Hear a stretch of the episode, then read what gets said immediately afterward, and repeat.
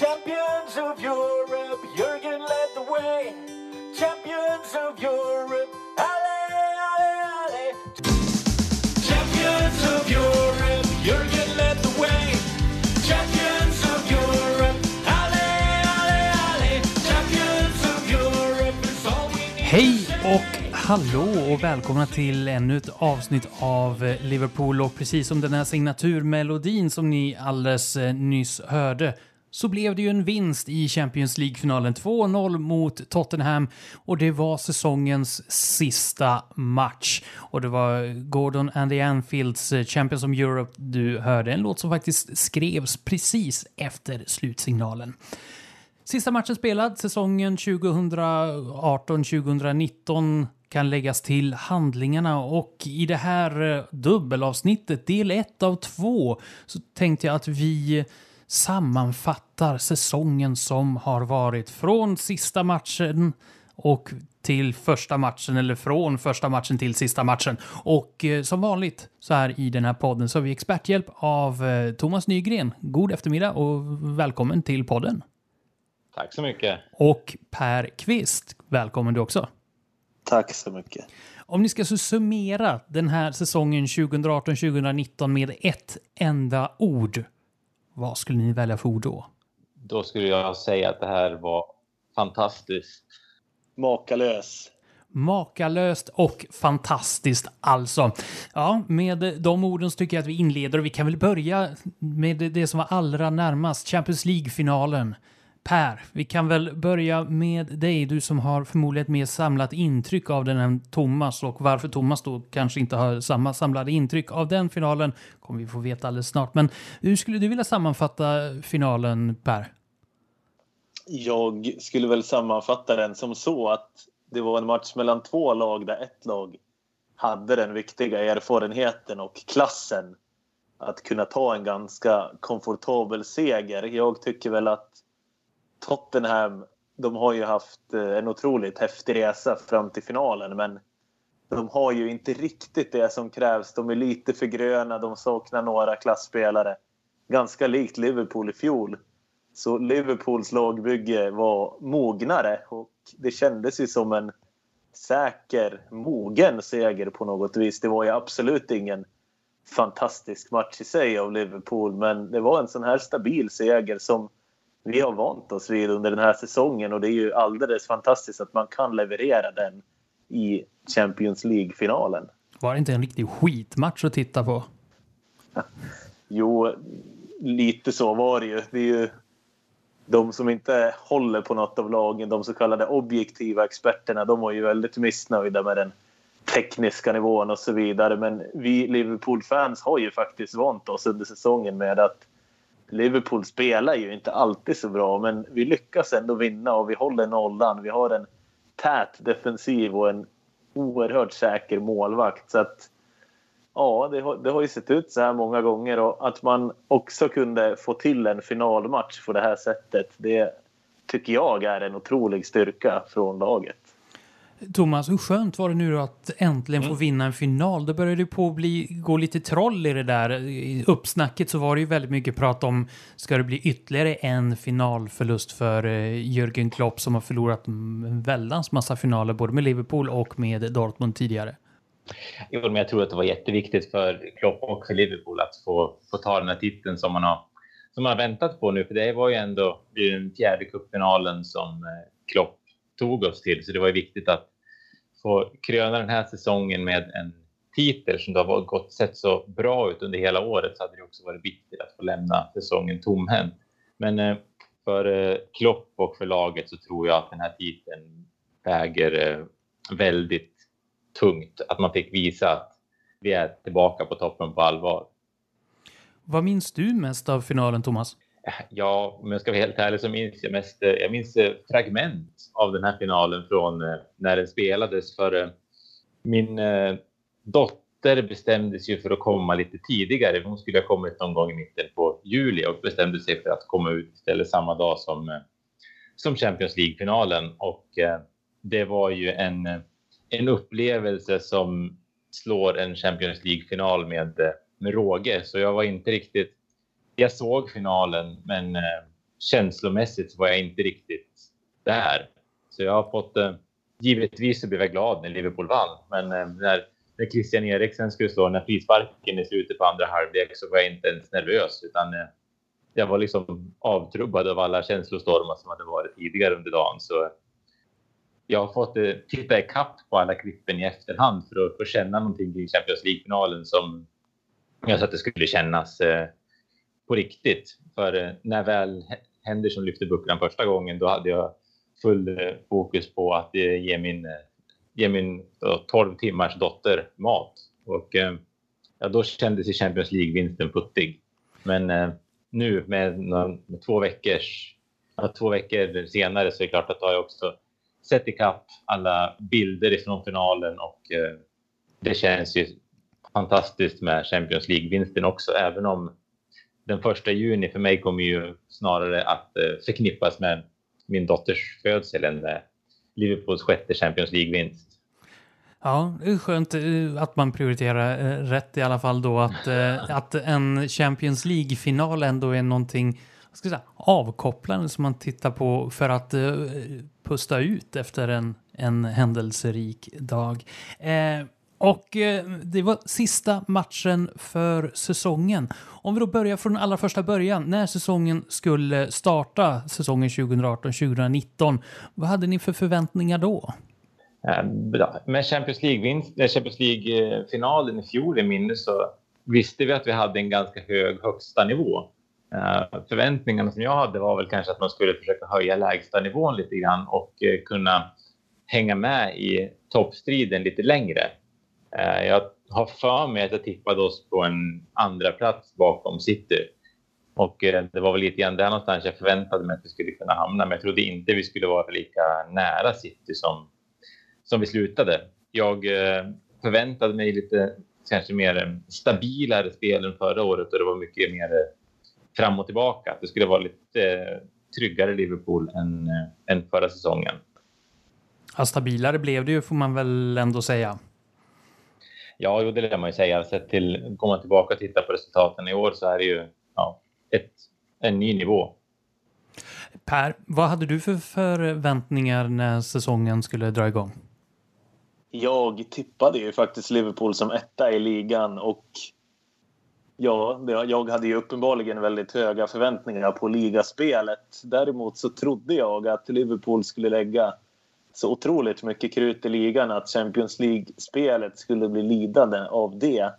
Och jag hade ju inte förväntat mig en sån här äh, konsekvens på, bland resultaten i Champions League för att att gå långt i en turnering en gång, det är ju, man ska inte säga att det är ingen gång, men det är ändå betydligt lättare än att göra det två år i rad. Den här säsongen var ju motståndarna förvarnade om Liverpools kapacitet och Liverpools sätt att spela på ett tidigare sätt än förra säsongen. Så att eh, jag hade absolut inte förväntat mig de här eh, framgångarna i Europa men ligaspelet var resultatmässigt ungefär som jag hade förväntat mig faktiskt. Och då, det säger mycket om mina högt ställda förväntningar uppenbarligen.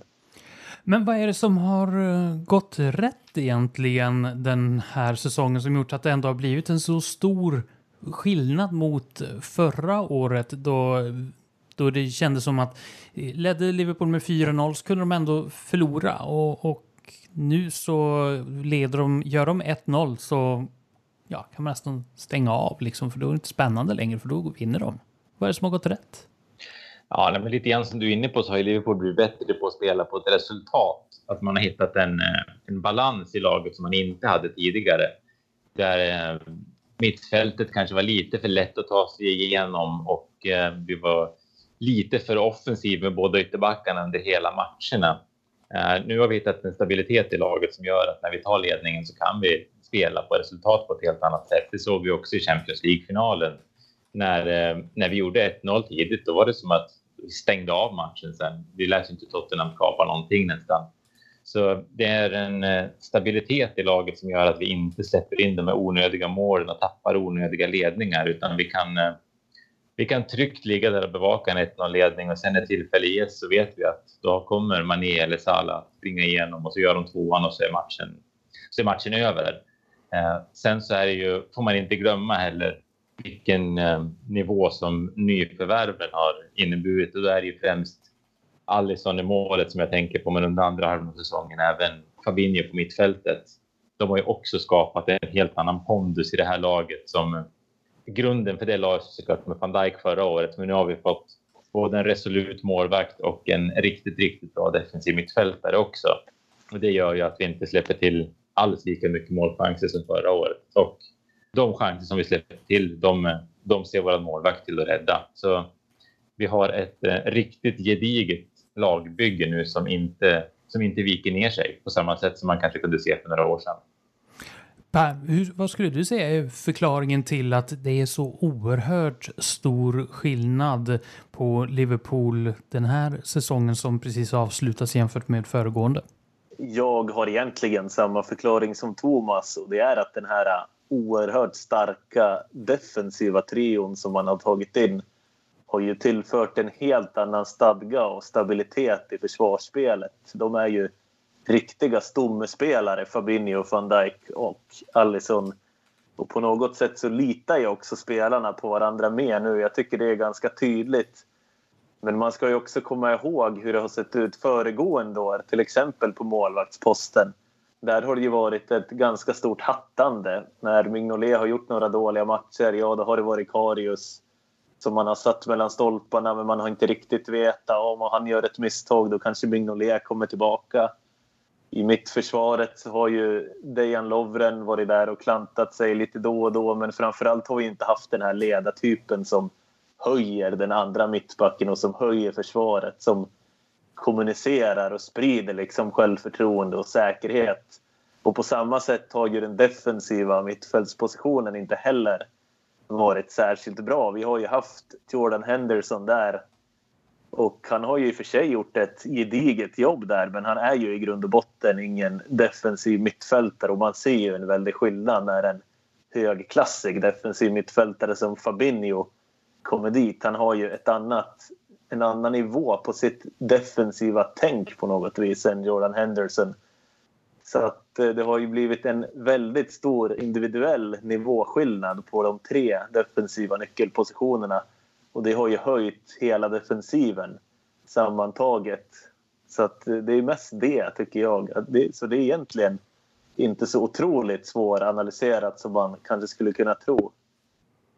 Nej, kanske det inte är. Det har, men det ska sägas att eh, säsongen 2017-2018 så slutade Liverpool på en fjärdeplats, 75 poäng hade man spelat in då.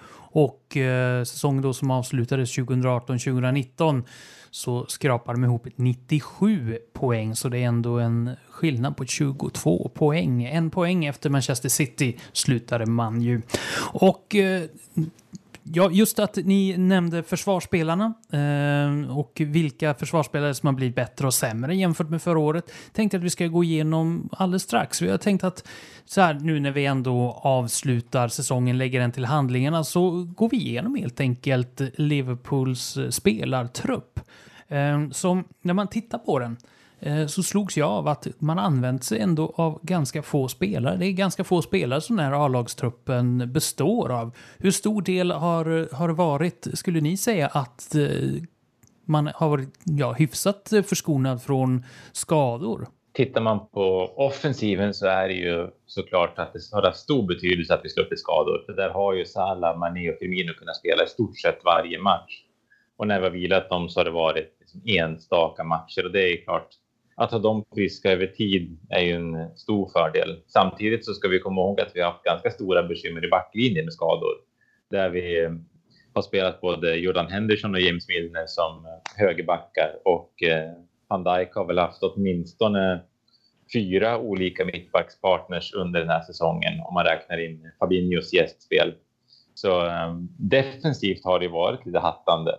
Men där har vi ju haft turen att den som har varit bestående har ju varit ryggraden i hela försvaret. Så det är klart att så länge van Dijk är frisk så kanske inte gör så mycket om det är Matip eller Gomes bredvid honom i några, under en kortare period. Och eh, då tänker jag att vi, vi börjar helt enkelt med eh, truppgenomgången. Då börjar vi allra längst bak. Två spelare är det vi har att eh, förhålla oss till där. Vi kan väl börja med eh, ja, målvakten, eh, Alisson Becker som eh, köptes in för dyra pengar från Roma. Hur tycker ni han har levererat? Han har ju varit precis så bra som vi hade hoppats på och trots den sjuka prislappen så har han ju visat sig vara värd pengarna. Och jag tycker egentligen också att Allisons storhet kan man föra in i det här resonemanget om skadorna kring backlinjen. För att jag är helt övertygad om att det är betydligt lättare för Fabinho att komma in som mittback i Liverpool när han har en målvakt som Allison bakom sig. Och han har ju i stort sett han har ju bidragit med ett komplett målvaktsspel. Jag ser ingenting att anmärka på i hans spel och det är ju världsklass rakt igenom såklart. Ja, per var ju väldigt, eh, för, ett år sedan ungefär så var Per väldigt eh, intresserad av att eh, Alison Becker skulle komma till klubben. Thomas var också intresserad, men kanske inte riktigt lika intresserad av Mm. Becker. Så här med ett, år, ett års facit i hand, hur skulle du vilja sammanfatta eh, Alisons eh, prestationer i Liverpool? Ja, nej, men det är ju helt uppenbart att jag inte riktigt fattade hur pass bra Alisson var och hur mycket det betyder för ett lag att ha en riktigt, riktigt bra målvakt. För under min tid som Liverpool-supporter så har vi ju vi har inte haft en sån här bra målvakt någon gång. Pepe Reina hade några, hade några säsonger där han var väldigt bra, men Alisson är ju, det här är ju en av världens bästa målvakter och jag tycker att det är, är konstigt att man i de flesta årets elvor har fått se Ederson som målvakt sett till hur, hur Alisson har presterat. För eh, han är, eh, han har självförtroende, en pondus, han är trygg, han släpper inga onödiga returer, han kan gå ut och boxa bort hörnor, bra med fötterna. Han har ju tillfört en ny dimension i Liverpools spel som vi utan tvekan har saknat tidigare. Bara de här mm, långbollarna som han kan slå nästan på fot på ytterbackarna som kan starta anfall. Det var ju någonting som, eh, ja, det var ju inte Mignolets styrka direkt om man säger så. Eh, så eh, jag är otroligt imponerad av Allison och eftersom Pelle hade sett honom mer än mig tidigare så förstår jag hans, hans optimism och med facit i hand så är det ju helt uppenbart att det här var en värvning som var värd varenda litet öre. Ja, jag, jag tycker det där med returerna som du nämner, det är en intressant iakttagelse när man sitter och kollar på Allisons målvaktsspel. När han räddar skott så han släpper ju som du säger aldrig en farlig retur. Han har ju väldigt bra teknik där och det är ju en sån här målvaktsteknisk grej som en liten detalj men som är jätteviktig och som många målvakter fallerar på faktiskt. Ja, även liksom de skotten som man inte kan hålla så styr han dem alltid i, Mm. liksom, åt, åt bra håll. Inte, styr aldrig returerna mitt in i plan eller mot motståndare utan han lyckas alltid knuffa dem åt de håll där det är minst farligt. Mm. Och det, ja, det är ju en stor tillgång. Så ni är ju sammantaget ganska nöjda med Alison Becker kan man säga. Ja, det måste jag erkänna. Helt okej va? Ja, go godkänt. Och då så tar vi då nästa målvakt som har spelat några matcher i alla fall. Simon Mignolet som när säsongen inleddes inte var helt nöjd med att vara kvar i klubben och behöva vara andra målvakt. Han hade gärna velat byta plats då med Loris Karius som eh, lånades ut till turkiska Besiktas om jag inte missminner mig. Eh, men han blev kvar hela säsongen, ville även bort i januari, men han blev kvar som sagt var hela säsongen. Eh, hur tycker ni att han har eh, hanterat den här situationen att bli degraderad? Man får ju intrycket av att han har satt laget framför jaget och liksom varit en pådrivare och en bra karaktär inom gruppen även om det är lite vanskligt att uttala sig om sånt när man inte är i laget själv så att säga. Man har ju ändå bara ett utanför perspektiv. Men eh, om han har gjort det så är det givetvis bra men samtidigt är ju det någonting man ska kunna förvänta sig av spelare på den här nivån som dessutom är väldigt välbetalda. Så det är ju nästan det minsta man kan begära. Men ja, det, nu får han väl sin flytt i sommar. Bäst för alla inblandade. Liksom. Ja, nej, utåt sett så har ju min elev varit ett, eh, ett föredöme i hur han har agerat. Som Han har stöttat laget och berömt. Och, ja, han har ju, han har gjort precis vad man kan förvänta sig av honom som, som andra målvakt. Det är såklart, han är ju inte nöjd med att ha gått ifrån att vara första målvakt för två år sedan till att få några enstaka matcher i kupperna. Eh, så han är säkerligen missnöjd med sin, situation, men han har inte visat någonting utåt och det är ju, det är ju såklart viktigt. För det handlar ju om att det ska... Det har ju känts väldigt positivt runt Liverpool hela säsongen. Det har inte varit någon riktig gnäll, inga negativa rubriker. Och han är en sån som hade kunnat skapa lite negativitet genom att gå ut och gnälla på sin situation. Samtidigt så är det väl också så att när han har sett vem som har kommit in och tagit platsen för honom så tror jag också att han inser att eh, han eh, kommer inte att få stå speciellt många matcher. Nej, han har ju varit inne på det lite Mm. i intervjuer att det är lättare att acceptera att inte spela när det är Allison som spelar. Och ja, jämförelse med Loris Karius så det är ju ett ganska logiskt resonemang utifrån hans perspektiv för han tycker ju förmodligen att han är bättre än Karius men inser säkert själv att han inte är lika bra som Allison. Och Mm. vi kommer att prata mer om Simon Mignolet i del två av eh, den här, det här poddavsnittet där vi i del ett sammanfattar säsongen som har varit och i del två så ägnar vi oss åt det lite mer spekulativa, alltså transfers. Vilka ska ut, vilka ska in, vilka, eh, ja, hur har Liverpool skött sig och hur bör de sköta sig framöver? Men det är lite senare. Sammantaget om ni ska gradera målvakterna från 1 till 5 sammantaget. Hur, vad skulle ni ge då för betyg? Fem. Fem. En femma och då så hoppar vi framåt i planen till försvarsspelarna där vi kommer då att avhandla van, Virgil van Dijk, Dejan Lovren, Joe Gomez, Joel Matip, Andy Robertson, Alberto Moreno och Trent Alexander-Arnold. Vi kan väl inleda med de båda ytterbackarna. Eh, eller båda, ja, tre ytterbackar är det som finns i truppen. Alberto Moreno, Andy Robertson och Trent Alexander-Arnold. Hur tycker ni att de har skött sig?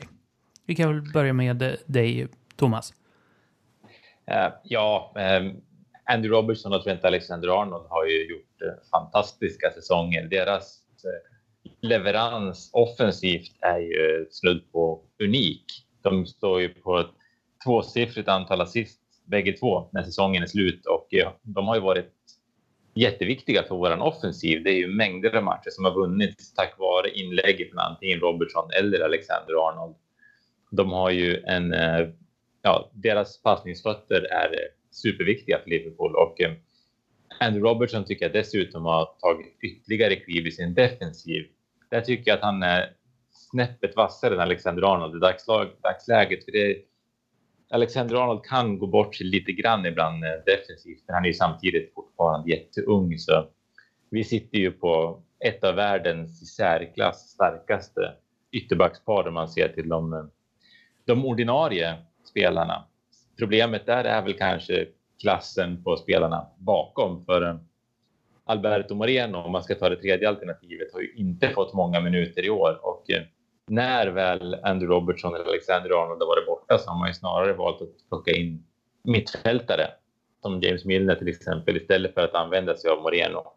Och man förstår ju när man ser Andy Robertson spela vilka brister Alberto Moreno har haft. För Moreno var ju också snabb, kunde komma runt bra på kanten, men han hade dålig precision i inspelen och han hade också dålig känsla på när han skulle gå och när han skulle stanna.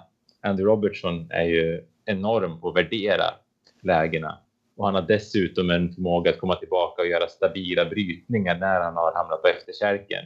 Alberto Moreno på efterkärken, det var ju liksom 50-50 på om det skulle bli straffspark eller inte.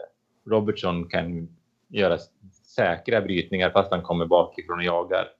Så våra, våra ytterbackar är, eh, har ju varit jätteviktiga för Liverpools spel, både offensivt och defensivt. Och där ligger en, en av nycklarna till att vi varit så bra i år. Hur viktiga skulle ni säga att eh, ytterbackarna, framförallt då Andrew Robertson och Trent Alexander-Arnold, har varit för Liverpools framgångsrika säsong? Det man kan, det man kan se är ju att de, den perioden som vi gick lite knackigt i ligan, där vi tappade poäng mot Leicester, där vi tappade poäng mot West Ham, det var ju när Alexander Arnold till exempel var borta. När vi spelade med Henderson, när vi spelade med Milner där ute till höger. Så det var ju när vi hade lite skadeproblem, främst då på högerbacken, som, som vi tappade poängmässigt. Så jag tror att de har varit jätteviktiga. Per, vad skulle du säga om eh, Liverpools ytterbacksbesättning? Jag håller ju med Thomas och det som jag skulle vilja highlighta lite är ju utöver de spelmässiga kvaliteterna så verkar ju både Trent och Robertson ha en väldigt bra mental uthållighet som man har sett under säsongen. De har ju, de har ju blivit bättre och bättre nästan under säsongen och de har ju absolut inte sett slitna ut, varken fysiskt eller mentalt. Och just det här mentala är ju nästan mest imponerande, särskilt med Trent med tanke på hur ung han är.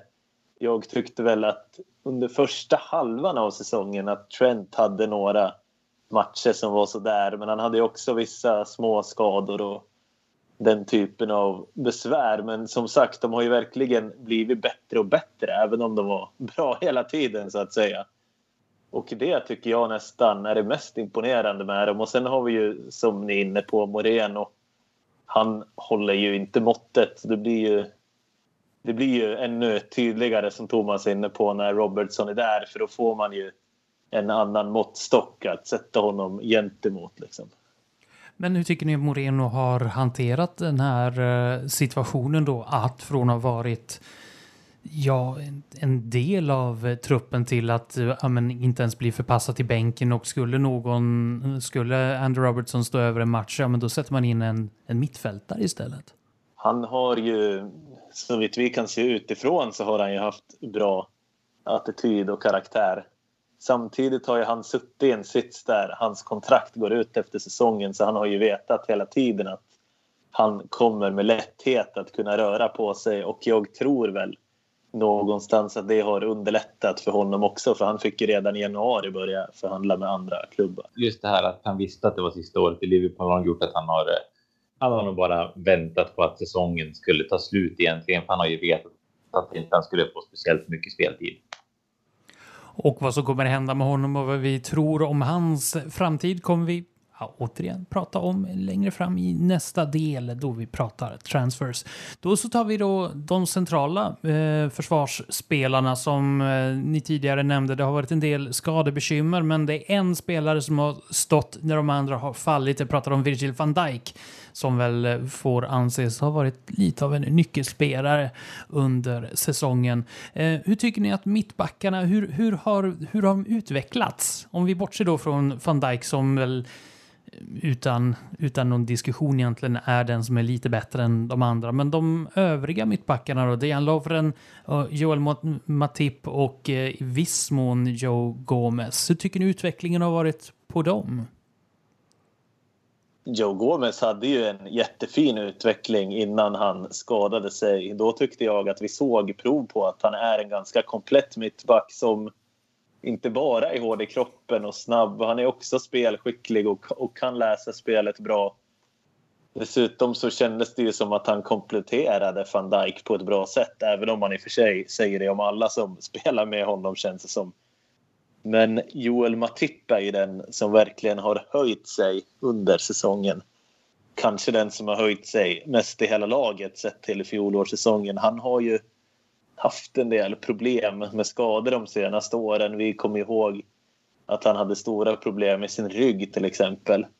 Men den här säsongen har han ju fått chansen och han har ju verkligen tagit den. Och det har ju varit på bekostnad av vår kära Dejan Lovren som om ni kommer ihåg det så drog han på sig en skada i VM och det tog ju ganska lång tid innan han var spelklar och han kom ju aldrig riktigt in i den här säsongen kändes det som. Så att Lovren har fallit lite där och Matip har höjts. Ja, jag, jag håller med. Det är, eh, Matips säsong är kanske en av de mest eh, överraskande ändå, tycker jag, om man ser, ser tillbaka. För han har ju sedan han klev in bredvid van Dijk varit jättebra. Han såg lite osäker ut kanske första två matcherna så där när han kom tillbaka, men sen så har han ju varit säkerheten själv. Han är också bidrar ju offensivt med, sin upp, med sina uppspel och han är eh, klart starkare än vad han kan se ut vid första anblick. Han eh, har ju stoppat många skickliga anfallare på vägen fram till Champions League-titeln, så där har Liverpool en, en väldigt bra mittback som man nästan hade glömt bort. Och jag vet inte om det han har... Eh, han har nog säkerligen också gynnats av att kunna spela lite grann andra fiolen till bakom van Dijk. För när Matip kom in så skulle han vara den nya ledaren i backlinjen och det klarade han inte riktigt av. Samtidigt som det är klart, det var ju lite svajigt både bakom honom och bredvid honom under de första säsongerna. Så det kanske var lite, det det blir ju svårare också att kliva in och ta taktpinnen ändå. Nu har han van Dijk bredvid sig och kan fokusera mer på att spela sitt eget spel. och Det har han ju gjort galant. Men eh, sen så ska man ju komma ihåg att om inte jag och Gomes hade skadat sig så är det inte säkert att Matip hade fått göra alls lika många matcher. För Gomes såg ju jättebra ut under början på säsongen. Så i både Gomes och Matip så har vi två riktigt, riktigt bra mittbackar som kan, som kan eh, alternera bredvid van Dijk. Ja, Lovrens framtid kommer vi väl kanske in på när vi börjar snacka transfer senare. För hans säsong, eh, ja, han avslutade ju förra säsongen med att spela både VM-final och Champions League-final och i år så har han haft svårt att ta sig, ta sig in i laget alls. Det ska bli intressant att se vart eh, han hamnar. Men jag tänkte om man, om man ser till van Dijk, tänkte bara höra med Pelle, om man säger att van Dijk har gjort den bästa individuella säsongen av en Liverpool-spelare på 2000-talet.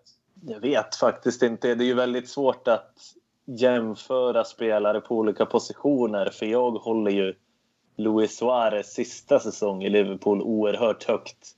Om du kommer ihåg när han mm. vann skytteligan och assistligan utan att vara straffläggare i laget. Det måste ju vara unikt. Så att, eh, det är men det är ju väldigt svårt att jämföra en mittback med en anfallare men definitivt en av de absolut bästa och självklart den absolut bästa insatsen av en mittback. Det är svårt att sätta ord på säsongen som van Dijk har gjort för det är flera gånger som man ska prata om årets spelare i laget och sådär.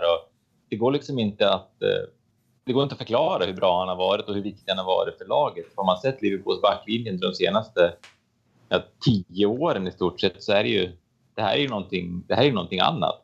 När en mittback börjar prata som kandidat till att vinna Ballon d'Or, det är ju, ja, var det Cannavaro sist för 10-12 år sedan? Ja, jo precis. Och det, men det är väl lite så att du är ju svenska lärare. Det är väl van Dijk och Wilhelm Moberg där som vi borde kalla för en gigant. Ja. Det är en gigant som, det är ju verkligen det. Det går ju inte att beskriva honom på något annat sätt, eller hur? V vad är det som gör van Dijk så bra så, så att ni hyllar honom till skyarna som ni gör just nu? Det är dels bara själva hans försvarsspel, hans, eh, hans liksom pondus och röra sig där bak. Han har inte blivit förbidribblad på hela säsongen. Han är, vinner ju varenda nickduell. Men också hur han lyfter spelarna runt omkring sig, hur han, liksom, hur han styr sin backlinje. Vi har ju saknat en ledare där bak sen eh, sen Sami Hyppie och Jamie Carragers dagar. Och eh, det ser man ju på van Dijk. Han vevar med armarna och munnen går och han hejar på. Han, eh, han styr den där backlinjen perfekt. Så han, det, det, märks ju bara det här att det spelar liksom ingen roll vem man haft bredvid sig. Vem som än spelar bredvid van Dijk ser bekväm ut. Och det säger ju ändå någonting om hans sätt att, eh, om hans sätt att prata med sina lagkamrater. Jag har ju hört många säga att han ser ut som en, men, som en man bland pojkar och lite så känns det ju när man ser honom som att det är liksom en 15-åring som går ner och spelar med 10-åringarna. Han känns ett nummer större, starkare, rejälare, bättre än de andra på planen och ibland ganska många nummer fler än ett nummer större om man ska vara helt ärlig än vissa anfallare han ställs emot. Så att han har verkligen dominerat på ett sätt som man sällan ser faktiskt på den allra högsta nivån. Man kan samman, när vi sammanfattar då försvarsspelarna så kan man säga att eh, van Dijk, det var, han var, räknas med en av de dyraste försvarsspelarna genom tiderna tror jag. Och eh, kan man säga att det var väl investerade pengar? I allra högsta grad. Absolut. Och, och, om ni ska sätta ett betyg på försvar, eh, försvaret under den här säsongen, vad skulle ni sätta för betyg då 1 till 5? 5. Ja, jag också. En femma där och då så hoppar vi över till mittfältet som eh, också består av några spelare. Fabinho, Wijnaldum, Milner, Keita, Henderson, Lalana, Sen är frågan om man ska räkna med Oxlade Chamberlain, eh, men det, det gör vi. Och eh, Shardan Shakiri, det är de spelarna som har fått spela och som räknas till A-truppen av de centrala mittfältarna. Vi kan väl börja med Eh, ja, ska vi ta lagkaptenen Jordan Henderson som har varit eh, bitvis väldigt hårt kritiserad under säsongen. Hur tycker ni han har skött sig? Eh, det, Jordan Hendersons säsong är väldigt speciell. Där man kan säga att den lyfte ju verkligen när han fick eh, kliva fram en bit i banan och spela på den här positionen som han var så bra senast vi var nära att vinna ligatiteln. För när han spelade som lite mer tillbakadraget så där hade han väl kanske lite mer bekymmer just med sätta bolltempot och så där. Han är ju han är en löpstark, intensiv spelare som eh, ja, som också är ganska skicklig offensivt. Så när han väl fick flytta fram så har han varit eh, jättebra. Om eh, man kan säga att det som mina starkaste, det som jag kände mest kring Champions League-finalen var ju att se Jordan Hendersons reaktioner efter. För det är ju tydligt att han också har eh, hört och tagit åt sig av den här eh, kritiken som han ändå har fått under den här säsongen och även tidigare. Där han skulle vara någon slags efterträdare till eh, Steven Gerrard. Och även om eh, det finns ju en del likheter, men de är ju ganska olika som spelare egentligen, Henderson och Gerrard. Att ta över kaptensbinden efter ja, Liverpools största spelare i de senaste 25-30 åren, det är ju såklart det är ju tufft. Och jag tror att det var extremt skönt för Henderson att få lyfta Champions League-bucklan i slutet på säsongen. För det är ju bara, som du sa, tre, fyra månader sedan som han var ganska så hårt kritiserad. Jag kommer, nu kommer inte ihåg vilken match det var, men då vevades det ju klipp på Twitter som visade hur oduglig Henderson var och folk skrev att han inte skulle, han skulle bli av med binden och han skulle aldrig mer starta och så vidare. Och så nu så har han vänt hela fanskaran till sin fördel och jag tror att vi var ganska många som eh, njöt av att se hans glädjetårar efter slutsignalen i Madrid. Vad känner du inför Henderson, eh, Per? Jag känner väl att han är en enorm lagspelare som när han spelade som defensiv mittfältare, det var ju någon slags, ändå någon slags uppoffring som han fick göra för att Liverpool inte hade någon riktigt bra defensiv mittfältare. Klopp litade inte riktigt på Emre Can där, men när Emre Can lämnade och Fabinho kom in istället och ja, när Fabinho hade akklimatiserat sig så att säga, då kunde ju man göra en taktisk justering också på Henderson som fick en mer framskjuten roll och det är ju som Thomas är inne på att just den rollen som han har nu, det är ju det egentligen det som är hans roll. Det är ju inte den där defensiva mittfältspositionen.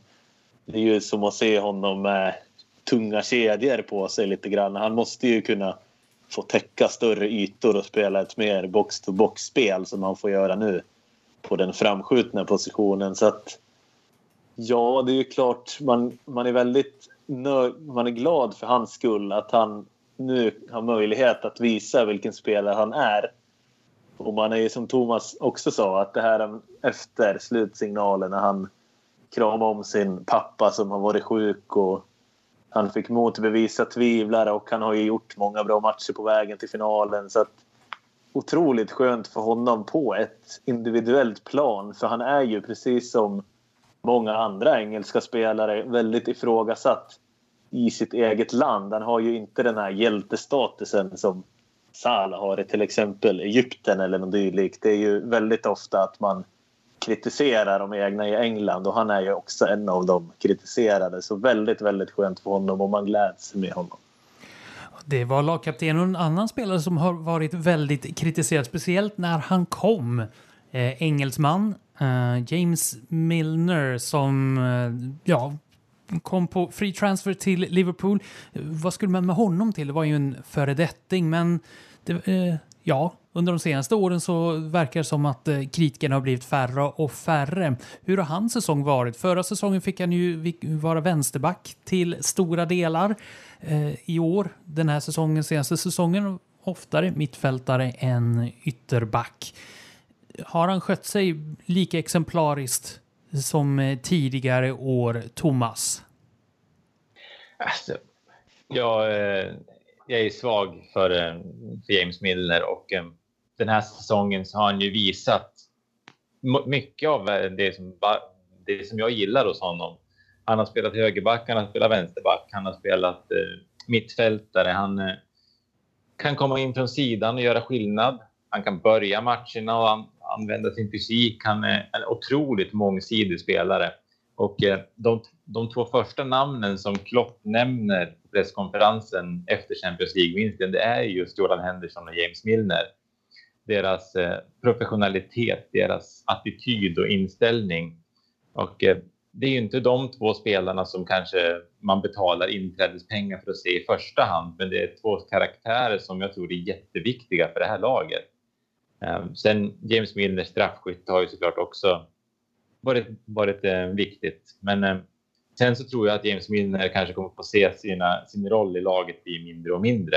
Han har ju spelat mindre den här säsongen än man gjort tidigare i Liverpool, men när han kommer in så vet man att det är alltid 100 procent om det så är att han ska gå in och sänka Messi eller om han ska gå in och försöka bidra offensivt och göra mål så man får, vet vad man får av James Milner och just den här just den här professionella inställningen är ju det, han är ju ett föredöme i hur han är som fotbollsspelare. Sen har han brister i sitt fotbollsspel.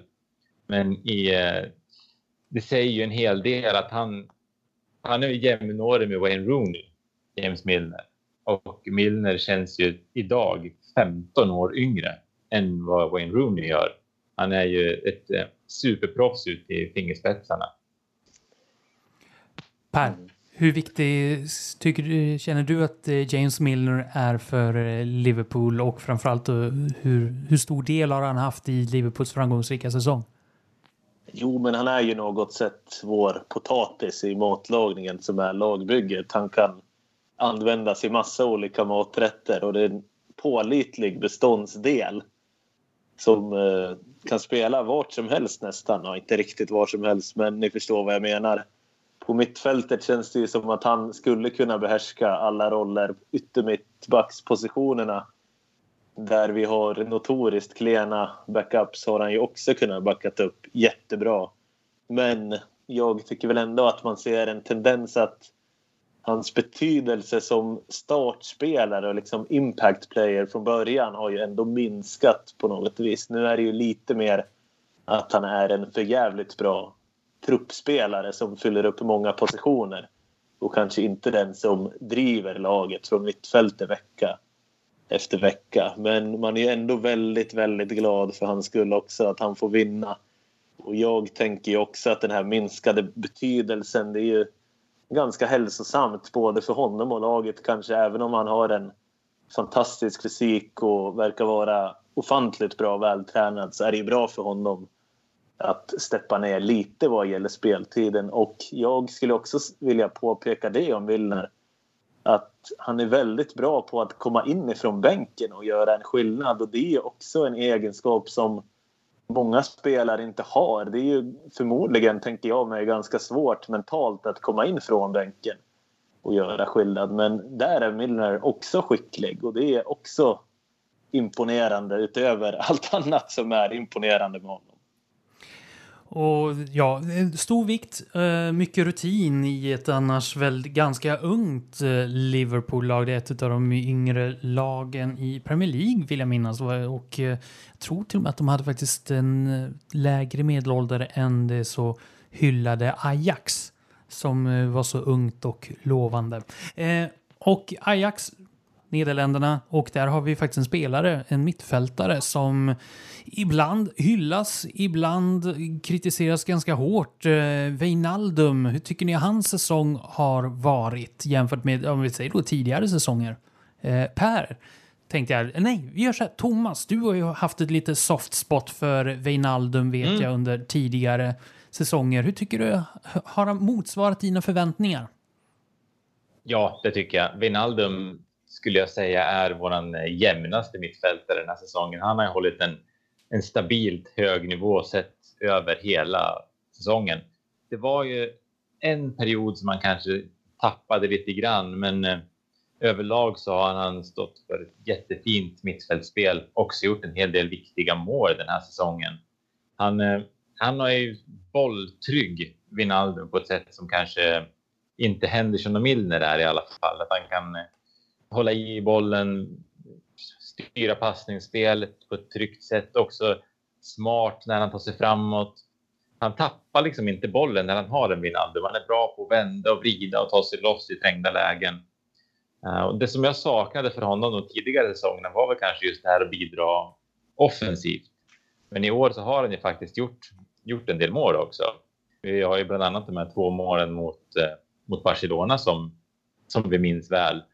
Uh, så Wijnaldums säsong tycker jag har varit jättefin. Och som sagt, jämför man med resten av mittfältet skulle jag säga att han är den som haft den i särklass högsta lägsta nivån.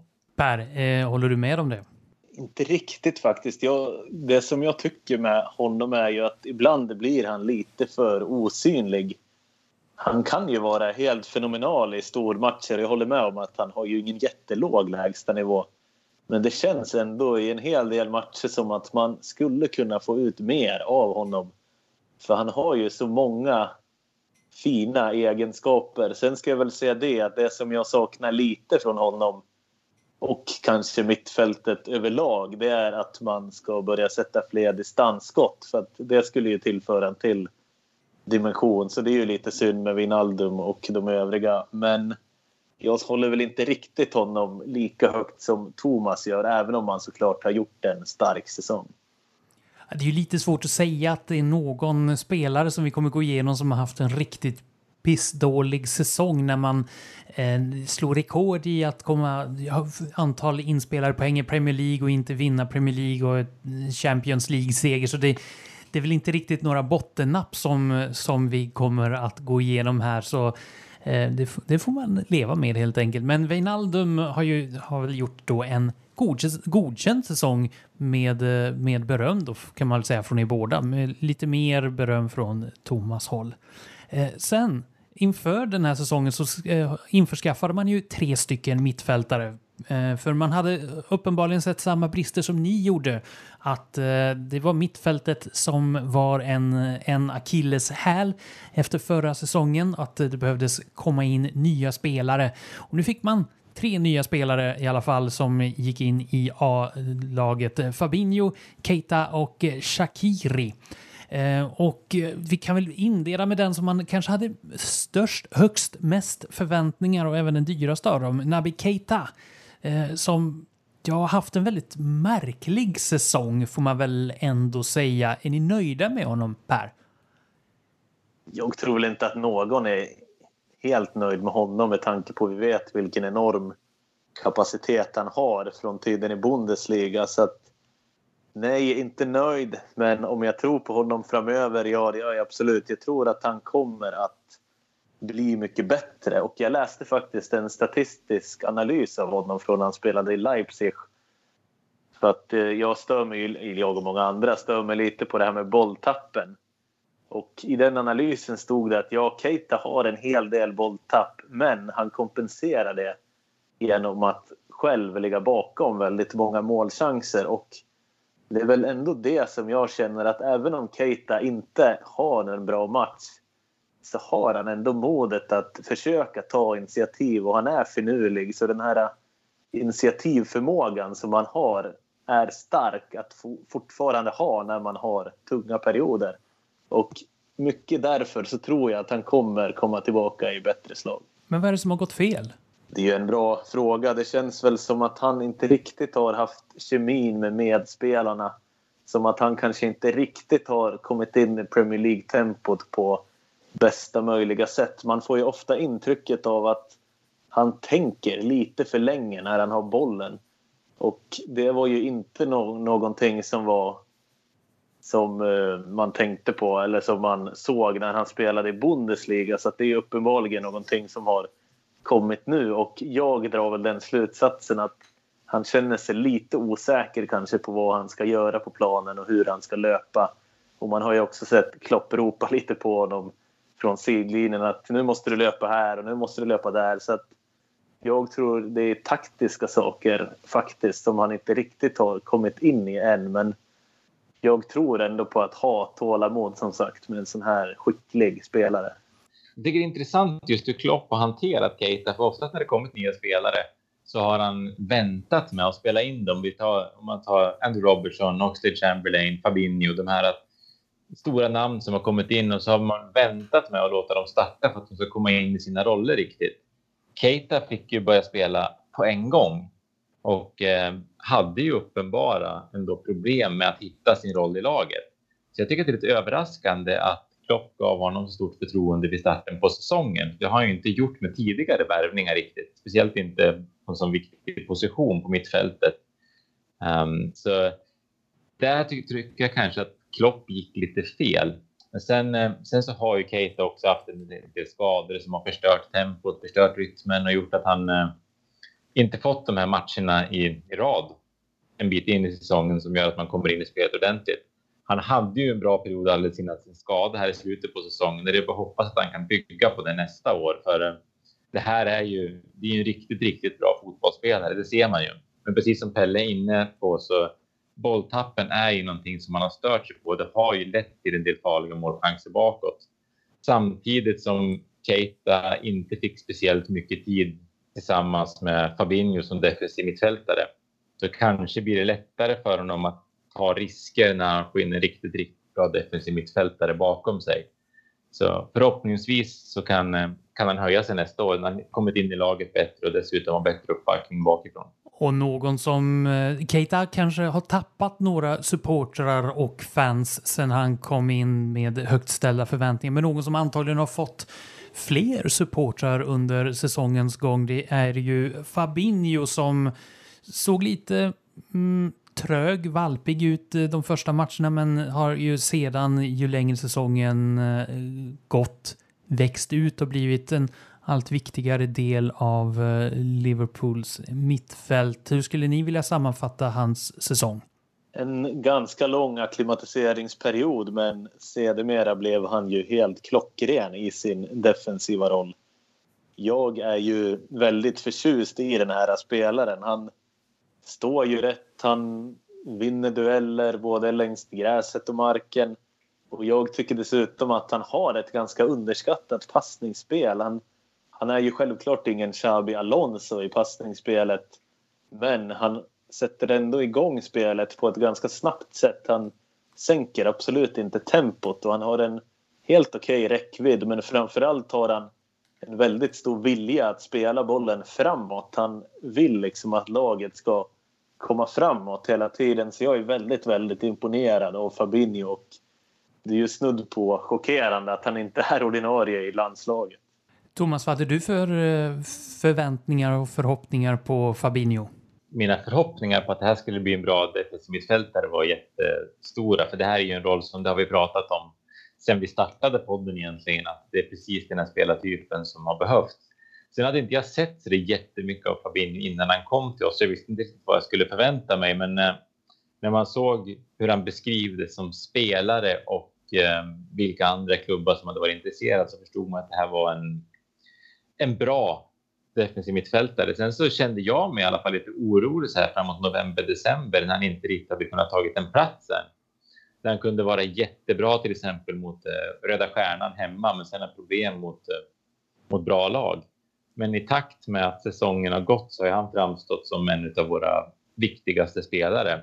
Och precis som Pelle är inne på, han har ju ett passningsspel som eh, som gör att han inte bara är den här defensiva bollvinnaren utan han kan ju faktiskt också bidra framåt och sätta igång anfallen.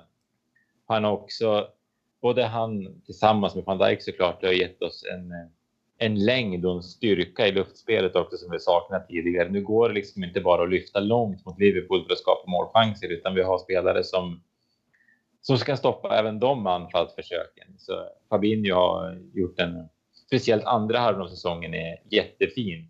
Och det tycker jag är intressant inför nästa år. Just det här att eh, en av våra viktigaste mittfältspelare under andra halvan knappt spelade under första halvan. Så även om vi gjorde en jättebra första halva av ligasäsongen så är laget ännu bättre nu. Så det finns ju alla möjligheter att vi ska vara bra nästa år också ganska nöjd med Fabinho och någon som haft en lite motsatt utveckling kan man väl säga. Det tredje mittfältsförvärvet som införskaffades. Shardan Shakiri eh, schweizaren som eh, inledde säsongen eh, med att spela ganska många matcher och hade ganska stor utväxling och stor betydelse i matcher. Men ju längre säsongen gick desto färre minuter fick den kortväxte schweizaren. Har han någon framtid i klubben tror ni? Shakiri är väl den som jag skulle säga är frågetecknet i, i säsongens eh, Liverpool. För han började ju ändå väldigt bra. Men sen har han knappt fått spela alls. Det har ju varit några enstaka, enstaka inhopp så han fick vi starta mot eh, Barcelona. Men annars eh, har han inte gjort speciellt mycket väsen av sig. Det vore intressant att veta vad det är som Klopp tycker har saknats hos Shakiri. För när han kom så visade han väldigt bra inställning, gjorde mycket poäng, mål, assist. Men eh, någonting måste det vara i Shakiri som Klopp inte riktigt är nöjd med eftersom man inte använt honom ens när vi har, eh, när vi har börjat jaga mål. Då har ju andra spelare gått före. Eh, så eh, Shakiri är för mig ett litet frågetecken inför nästa säsong. Per, har du någon, någon teori på vad felet kan vara om det finns något fel med eh, Shakiri? Jag har väl läst en del bedömare som har ansett att det är spelet utan boll där han är lite för dålig och inte tillräckligt intensiv. Jag tycker personligen att det är svårt att bedöma. Speciellt när han inte spelar. Men eh, ja, han är, ju, han är ju en riktig poängspelare och han gjorde ju sina poäng.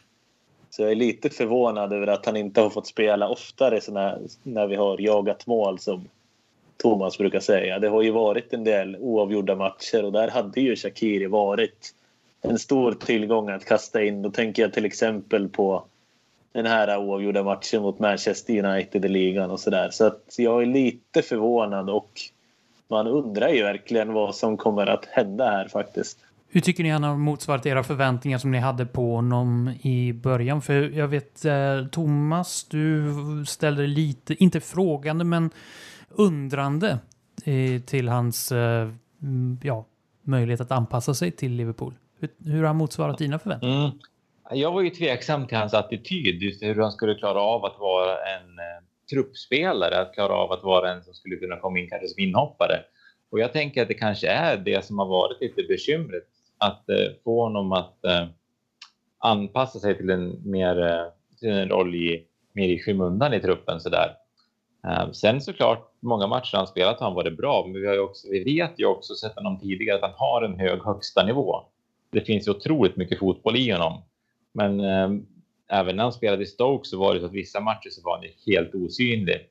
Det har väl varit ungefär som jag kanske hade förväntat mig. Lite bättre om man ska se till inledningen på säsongen. Jag trodde att han skulle ha svårt att acklimatisera sig från start. Men ser man till säsongen som helhet så är det väl någonstans kring vad jag trodde att han skulle betyda på oss. Det, det som jag har blivit förvånad över är att han har fått spela ganska mycket som centralt som offensiv mittfältare. Och jag tycker att han har gjort det bra men när han skrev på så förväntade jag mig absolut att han skulle spela på kanten i anfallet först och främst när Salah och Mané inte var med. Men det är ju faktiskt inte där, där som Klopp har använt honom mest och det har varit överraskande för mig. Nästa säsong har vi också Oxlade Chamberlain tillbaka. Keita som förhoppningsvis ska vara ännu bättre. Tittar man på uppsättningen som vi har idag med Milner, Wijnaldum, Fabinho, Keita, Henderson, Oxlade Chamberlain. I min värld så är Shakiri sjunde namn på mittfältet. Och jag vet inte om det är en roll som han känner sig bekväm i. Och det får framtiden utvisa. Då har vi egentligen bara två spelare kvar varav en inte har spelat egentligen mer än kanske något inhopp. Eh, Oxlade Chamberlain och Adam Lallana har heller inte spelat speciellt mycket. Eh, och då kan vi väl rikta blickarna mot eh, Adam Lallana slutligen av eh, mittfältsspelarna. Har han någon framtid i klubben? Oerhört tveksamt skulle jag säga. Det lät ju efter finalen som att han själv såg en framtid i Liverpool, men eh, även om han har varit okej okay när han har spelat så han håller inte samma nivå som de andra. Det går lite för sakta. Jag tror att hans skador börjar ta ut sin rätt lite grann. Så om jag vore Lalana så skulle jag börja söka mig till en klubb där jag får en större roll. Jag tycker väl egentligen att han har sett ut att vara helt ur slag i många matcher. Han har inte alls hängt med i tempot, varken fysiskt eller mentalt. Och det är ju såklart att skadorna är i orsaken till det. Och jag tror också att det bästa vore faktiskt om han lämnar. Men jag tror ändå att han blir kvar faktiskt. Så att ja, han kommer nog ha en liknande roll nästa säsong. Och om vi då avslutar eh, mittfältet med att eh, betygsätta det då. Både målvakten och försvararen har ju fått fem av fem möjliga. Mittfältet där då. Eh, når upp till samma höga betyg? Jag skulle nog sätta en fyra på mittfältet ändå med, på grund av att det kanske inte har bidragit med lika mycket poäng som, eh, som man kan önska. Vi har inte fått speciellt, speciellt många mål ifrån, eh, från mittfältet. Ja, det är några av dem som har bidragit. Milner från straffpunkten, Wijnaldum med ett par mål. Men eh, annars så kanske produktionen har varit lite för låg på att sätta en femma, så jag skulle ha en fyra på mittfältet. Per, håller du med? Ja, jag håller faktiskt med. Vi har inte fått tillräckligt många mål från mittfältet i de här förbannade kryssmatcherna som gjorde att vi inte vann ligan. Så att inte femma, fyra mer lämpligt. En fyra och då har vi bara en lagdel kvar, eller en och en halv lagdel kvar. Eh, och det är anfallande, det blir inte så mycket att prata om där egentligen. Det är ju en ganska stabil fronttrio. Roberto Firmino, Sadio Mané, Mohamed Salah. Eh, hur har de här tre musketörerna skött sig, tycker ni, i år jämfört med förra året? De har ju skött sig alldeles utmärkt. Även om förra säsongen så var ju Sala extremt utmärkande av de tre så att säga. Nu är det mer jämna prestationer internt bland dem och jämn målfördelning i jämförelse med när Sala fullkomligt sprutade in mål. Så att de har ju skött sig otroligt bra och det är ju väldigt kul att se att Sadio Mané har ju, tycker jag, höjt sig. Han har ju hittat ett lite jämnare spel än tidigare. Han har ju levererat mer konsekvent i form av mål. Och det har ju tidigare varit hans problem att han har ju kunnat vara hur bra som helst och sen hur osynlig som helst. Men jag tycker ändå att han har minimerat de här osynlighetsmatcherna och det kan ju ha att göra med att han har fått undvika skador mer den här säsongen. Så väldigt, väldigt fin insats av de tre. Mohamed Salah då, som har, han har ju faktiskt fått en hel del kritik från framförallt media, vissa mediekanaler, att han inte alls har varit lika bra som eh, föregående år då han gjorde mål på allting. Tycker ni att han har hållit måttet? Thomas? Eh, ja, alltså jag var också lite kritisk till honom där runt, eh, jag kan, kan det vara januari, februari någon gång när det inte riktigt gick hans väg då man såg att han såg lite frustrerad ut. Men någonstans är det måttstocken man har på honom är i förra säsongen då han var helt fantastisk. Han har gjort en jättebra säsong. Han vinner ju skytteligan i år också. Eh, han har väl inte haft riktigt samma, eh, samma produktion som förra året. Det, väl, det är väl den man jämför lite grann med när man kommer med kritik mot Mohamed Salah. För han, är ju, han är ju en fantastisk anfallare. Det är en jätteduktig målskytt. Han har även bidragit med en del assist. Så han har gjort en, eh, jag tycker Salah har gjort en jättebra säsong. Kanske inte lika bra som förra säsongen, men det kan man inte heller förvänta sig att man ska producera så mycket som han gjorde förra året varje år. Han är, han är ju delad skytteligavinnare med Aubameyang och Mané så att han har ju producerat bra. Det är ju inte så att tio spelare har producerat fler mål i ligan än Salah. Så att jag har väl lite svårt med den här kritiken men det jag kan känna ibland är väl att i vissa matcher har Salah kanske sett lite sliten ut och jag inbillar mig väl att om Liverpool hade haft fler riktigt bra alternativ så kanske Klopp hade vilat vissa av de här spelarna som Salah lite oftare än vad fallet har varit. Och det är också någonting som jag väger in när jag tänker på de här plattmatcherna där de ser slitna ut. Förra året så var det verkligen, han var ju bra i varje match. Han gjorde ju alltid mål och det, den nivån kan man ju inte hålla. Så det är väl kanske mer att Salah har varit på en eh, rimlig nivå i år. Som du säger, han vinner skytteligan i år också. Och tillsammans med, med Sadio Mané. Och precis som du är inne på tidigare Pelle, så tycker jag att det är Manés utveckling som är mest eh, intressant. För han har ju visat en jämnhet i år som vi har saknat tidigare. När, då var det mycket upp och ner. Nu har han ju varit bra under stort sett hela säsongen. Eh, och eh, hans huvudspel har ju varit helt häpnadsväckande. Vet, han är väl den spelare som har flest nickmål i ligan i år. Så han har visat upp en otrolig timing i straffområdet. Eh, också en större smarthet tycker jag i avslutningen. Han kunde vara lite, eh, han kunde vara lite hastig i avsluten tidigare i år som man ser målet mot Bayern München där han tar ner och vänder om och chippar över försvaret. Eh, Sadio Mané har eh, tagit ytterligare ett steg den här säsongen till att vara en anfallare för den absoluta, absoluta världsnivån.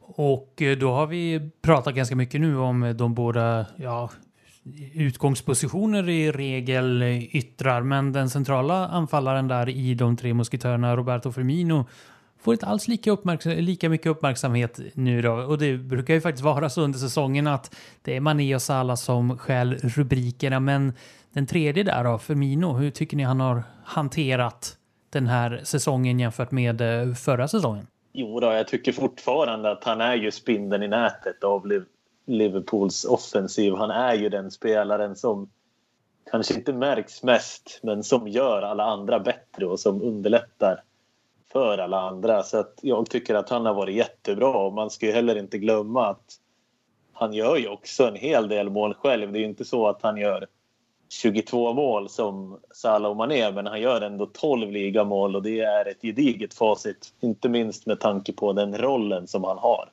Firmino är ju en jätteviktig spelare för oss, både offensivt och defensivt med sitt pressspel. Han, eh, precis som Pelle är inne på, han gör ju inte lika mycket mål som Salah och Mané, men han gör ju väldigt mycket annat. Så Firmino är ju en, en eh, jätteviktig spelare och han har också en förmåga att göra mål mot, eh, mot de bra lagen. Han gjorde ju målet mot City där han gjorde mål mot PSG. Han, han kliver fram när det behövs. Det är väl kanske nackdelen är att vi inte har någon riktigt som kan kliva in och ta hans roll när han inte är i, i slag. Så Firmino behöver spela även när han är trött och jag tycker att han har sett lite sliten ut vissa matcher nu mot, mot slutet på säsongen här innan, innan skadan. Men eh, precis som Mané och Salah så har han ju haft en fantastisk säsong. Eh, hur viktigt är det att få in någon som kan eh, hjälpa till att avlasta Roberto Firmino? Nu vet jag att det går lite händelserna i förväg, men frågan är ändå berättigad jag tror att det är jätteviktigt att få in någon som kan avlasta inte bara Firmino utan också de andra där framme. För det är alldeles för stor skillnad mellan de tre och de som kommer in istället. Så att, jätteviktigt för Firmino, jätteviktigt för laget, jätteviktigt för alla inblandade. Bakom där så har, pratar du ju om Per att det inte finns riktigt eh, lika starka namn och det nämner ju även du Thomas. Men en spelare av dem där bakom har ju verkligen haft väldigt stor inverkan och stor betydelse med det lilla då han har gjort. Och då pratar jag naturligtvis om Divock Origi som eh, inte har fått speciellt många matchminuter men har ändå gjort en hel del mål och nästan om inte alla mål har ju varit väldigt viktiga, bland annat eh, ja, avslutade målet i Champions League. Eh, hur ska man förhålla sig till Divock Origi? Origi är ju en spelare som är jättesvår egentligen att bedöma för som du säger, alla mål han har gjort har egentligen varit viktiga. Han avgjorde mot Everton, han avgjorde mot Newcastle, han sköt oss till Champions League-finalen mot Barcelona, han gjorde sista målet i Champions League-finalen. Han eh, har ju varit nyttig när han kommer in. Men jag ser väl honom som just det, en, eh, en bra inhoppare eftersom han har, han har styrka både i luftrummet och kan bryta sig igenom. Han har ganska bra skott ehm, jag tycker inte han har smartheten för att starta i, i Liverpool. Däremot att använda honom som en kraftfull inhoppare har visat sig vara väldigt nyttigt. Så kan han tänka sig att stanna kvar i den rollen så tror jag att han kan ha en framtid i Liverpool. Speciellt nu när eh, ja, han är ju milt uttryckt eh, omtyckt bland fansen. Per, du har ju varit eh, ganska kritisk mot eh, Origi. När du får se tillbaka på säsongen som har varit, vad är din uppfattning om honom? Det är väl lite så här att varje gång man vinner någonting som Champions League, en turnering eller cup så finns det alltid någon joker som kliver fram och gör de mest osannolika målen. Det kan vara en ganska osannolik spelare och Origi är ju den kulthjälten den här säsongen som man kommer att tänka på när man tänker på den här Champions League-segern.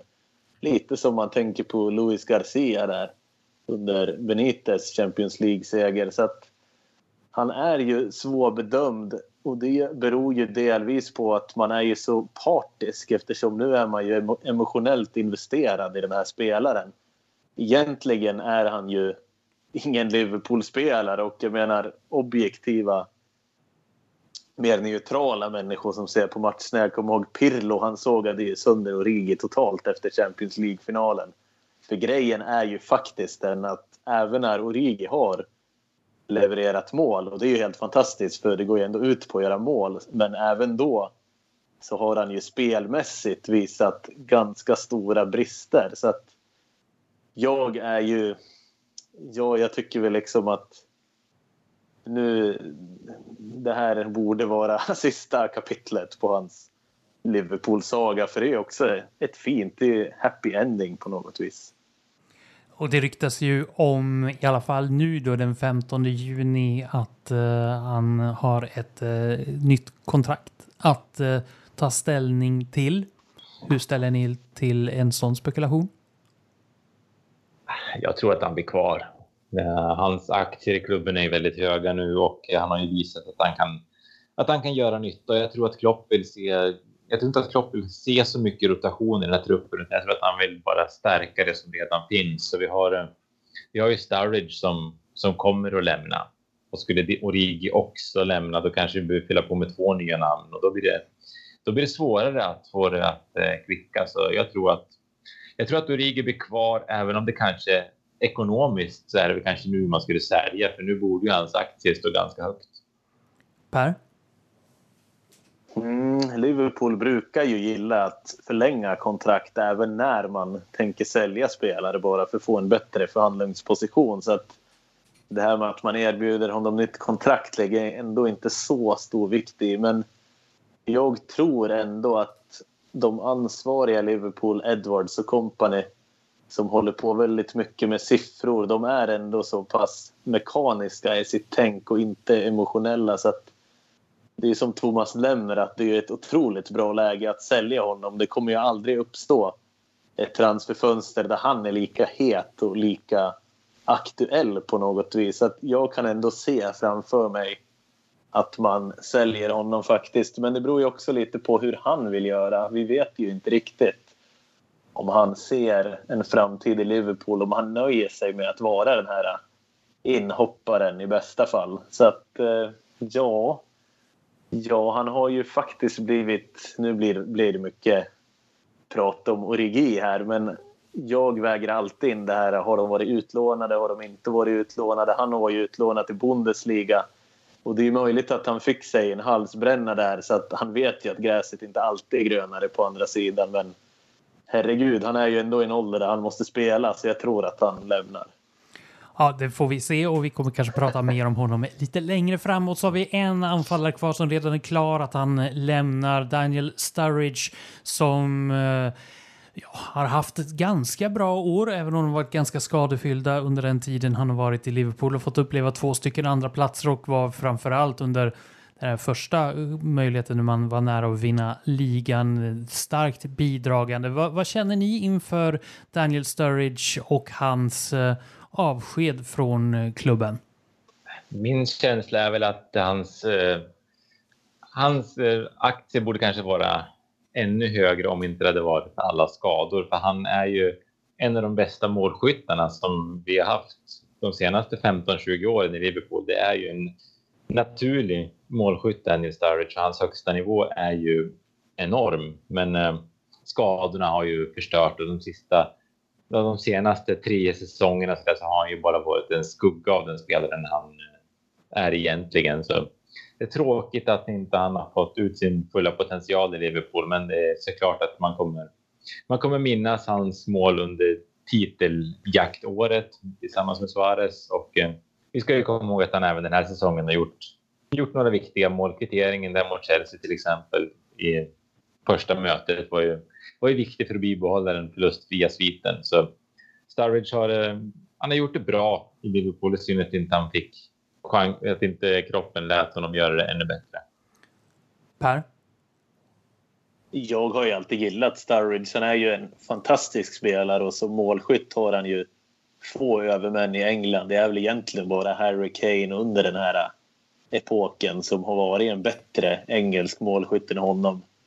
Och jag tycker väl lite så här att han har ju haft så pass många skador så att hans kropp är förmodligen äldre än vad det står på passet. Han, jag menar förstås inte att han föddes något annat år men hans kropp är så pass sliten att det är förmodligen mer som en veteranspelare än som en spelare i 30-årsåldern.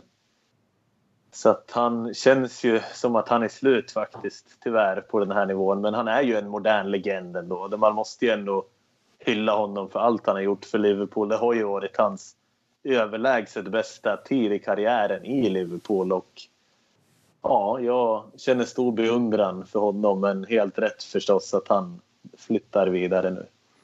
Och eh, då har vi eh, gått igenom hela A-truppen faktiskt. Från målvakterna till anfallarna och avslutningsvis då innan vi lämnar A-truppen bakom oss.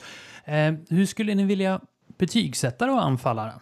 Eh, skala 1 till 5. Fem. Ja, fem. Vi har två spelare som delar på skytteligatiteln till exempel. Så att, ja, femma. Mycket intressant, för då kommer vi ställas inför ett problem lite senare. Liverpool slutade tvåa i Premier League. De eh, spelade eh, hem Champions League. Hur förbättrar man ett sånt här lag som nästan består av idel fem? Och det är bara mittfältet där som har en ynka liten fyra. Hur ska man göra för att det ska bli bättre? Och vad behövs? Det kommer vi att prata om eh, i ett nästa avsnitt. Eh, som, vi har ju nämligen valt att dela upp det här monsteravsnittet egentligen i två delar då vi i del ett sammanfattar säsongen och i del två mer transfer och blickar lite mer framåt och tillbaka på de lånade spelarna. Och det ska vi göra alldeles strax om du väljer att eh, ladda hem det avsnittet också. Eh, men innan vi lämnar den här truppen och säsongssammanfattningen bakom oss har vi faktiskt en post kvar nästan faktiskt att utvärdera. Nämligen den här energiska herren som står vid sidlinjen, hoppar upp och ner och jämfota och slår i luften och gör piruetter och volter, Nej, inte volter riktigt, riktigt men eh, väldigt aktiv är han i alla fall. Tränaren, managern Jürgen Klopp. Eh, vi har pratat om eh, vissa spelare som har gjort eh, framsteg. Har Jürgen Klopp utvecklats eller har han bara fått en bättre trupp att arbeta med? Eh, jag skulle säga att han har utvecklats väldigt mycket sett till eh, speciellt i, i försvarsspelet och eh, hur man hanterar en ledning. Vi är ju ett mycket mer stabilt lag i år än vad vi var förra säsongen. Där var man lite orolig när Kjell Kubovac lämnade att det skulle bli att det skulle kunna bli lite svajigt bakåt. Men Klopp har ju byggt en trupp som är otroligt samspelt. Han har byggt upp en, en känsla i laget som är väldigt eh, positiv. Eh, alltså det jobb som han har gjort sedan han kom till Liverpool är ju helt eh, makalöst imponerande och eh, i år har han ju fortsatt att eh, visa vilken otroligt skicklig tränare han är. Jag tycker också att vi har fått mer utdelning på inhoppen den här säsongen också än vad vi har haft tidigare. Det hänger ju såklart ihop med att vi kanske har lite bättre trupp, men om man tar Southampton-matchen nyligen som ett exempel, när många satt och ropade efter kanske sätta in Shakiri så plockar Klopp in Milner och Henderson och får en jätteutväxling på att få in deras energi. Han eh, vet var han har sina spelare och vet hur han får ut det bästa av dem. Eh. Så eh, vi ska vara otroligt glada att Jürgen Klopp är tränare för Liverpool. Han är ju en mästare på det han gör. Och nu kan man ju säga det utan att bli häcklad av någon fjant som påpekar att han inte vinner titlar dessutom. Sen är ju Edwards mästare på det han gör med värvningarna. Sen är ju det som jag skulle vilja veta ännu mer om än vad jag gör är ju Pep Linders, den här tränaren som faktiskt jobbar väldigt mycket eh, på träningsplanen och i den dagliga verksamheten. Han var ju iväg en sväng i Holland och fick sparken och kom tillbaka. Men han är ju väldigt uppskattad i laget och han har ju förmodligen nu fått en större roll sedan Klopps trogna, eller tidigare trogna följeslagare lämnade under slutet av förra säsongen. Så att känslan är ju kanske att han också har en stor del i det här. För det är ju faktiskt den komponenten som har tillkommit och förändrats mest om man tänker på det dagliga arbetet. Ska vi göra en liten prisutdelning tycker ni? Eh, då kan vi ju börja med, vem tycker ni förtjänar årets spelare? Det blir ju ändå den stora och tunga van Dijk som förtjänar det. Han är ju också aktuell som hela Europas bästa spelare vad jag förstår. Så att van Dijk. Håller med. Ja, det är väl inte så mycket att diskutera, där- därför river vi av det ganska fort och lätt och eh, tidigt. För ja, det är inte så mycket att diskutera. Årets spelare Virgil van Dijk. Men om vi tar lite något annat så här, årets genombrott. Vem skulle ni säga har fått sitt stora genombrott? För det är ju många spelare som har fått någon form av genombrott under säsongen. Men vem skulle ni vilja lyfta fram framför allt? Där skulle jag vilja sätta Joel Matip. Thomas Joel Matip, alltså mittbacken. Varför då? Därför att han är väl kanske den som har höjt sig mest till vilka förväntningar som man hade. För många av spelarna som har varit jättebra i år var ju sådana som, det som vi räknade med skulle vara bra i år. Joel Matip kändes snarare som att han var på väg att fasas ut och få en mindre och mindre roll. Så nu är han såklart, han, han är ju ingen ungdom så det är kanske är hårt att säga att han är ett, ett genombrott. Men han är väl kanske den som har slagit igenom mest bland oss, hos oss Liverpool-supportrar, tror jag, sett till vilken utveckling han har fått. Per, håller du med? Eh, ska Joel Matip bli enhälligt eh, genom, den stora genombrottsspelaren? Om man isolerar andra halvan av säsongen så är det ju givet. Men om man tänker tillbaka på första halvan då är det ju ändå Joe Gomez på något sätt som har verkligen fick ett genombrott som mittback. Så att jag säger nog ändå Joe Gomez sammantaget sett till hela säsongen. Men hur, hur tror du skadorna då på Joe Gomez, eh, hur det påverkar hans framtid? För han har ju haft nu ett par långtidsskador. Jag tror väl, vi har ju i och för sig inte alla hans journaler tillgängliga så att vi vet ju inte om det är några bestående mer. Men han är ju ändå så pass ung att han bör ju ha bra läkekött tänker jag och han är ju han ser ju ut att ha en bra naturlig grundfysik så att jag tror absolut att han kommer att komma tillbaka i ännu bättre slag. Och då så har vi då genombrott i idel eh, försvarsspelare, två mittbackar, Joe Gomez och eh, Joel Matip som eh, Thomas och Per anser har fått, är de stora genombrottsspelarna i Liverpool. Om vi då tar och är lite mer negativa, finns det någon som du skulle säga årets besvikelse? Per? Årets besvikelse tycker jag ändå är, och det är ju hårt att säga förstås för han har inte spelat så himla mycket. Men det blir ändå Adam Lallana för att jag tycker att han har varit så helt urslag när man har sett honom och man tycker lite synd om honom för alla skadorna. Men det blir ändå han som får den här skampålen. Thomas, håller du med? Eh, min årets besvikelse är nog ändå Naby Keita sett till eh, vad han kostade och vilka förväntningar som man hade på honom inför säsongen. Nu har jag ju varit inne på att det har varit en svår situation för honom, men eh, sett till förväntningarna på förhand så är Keita min stora besvikelse. Tror du att det kommer vända för honom till nästa säsong eller, är det, eller ska vi behöva, eller känner du att ah, det, det får bli som det blir? Jag tror att det kommer vända. Det här är ju en fin fotbollsspelare. Han behöver bara hitta sin, eh, hitta sin roll i laget och det vet vi ju Klopp är bra på att få spelare att göra. Och eh, med det så avslutar vi den här prisutdelningen och sen så ställer vi en sista fråga nu här då, när vi ändå blickar tillbaka genom att blicka lite framåt. Det blev en andra plats i Premier League.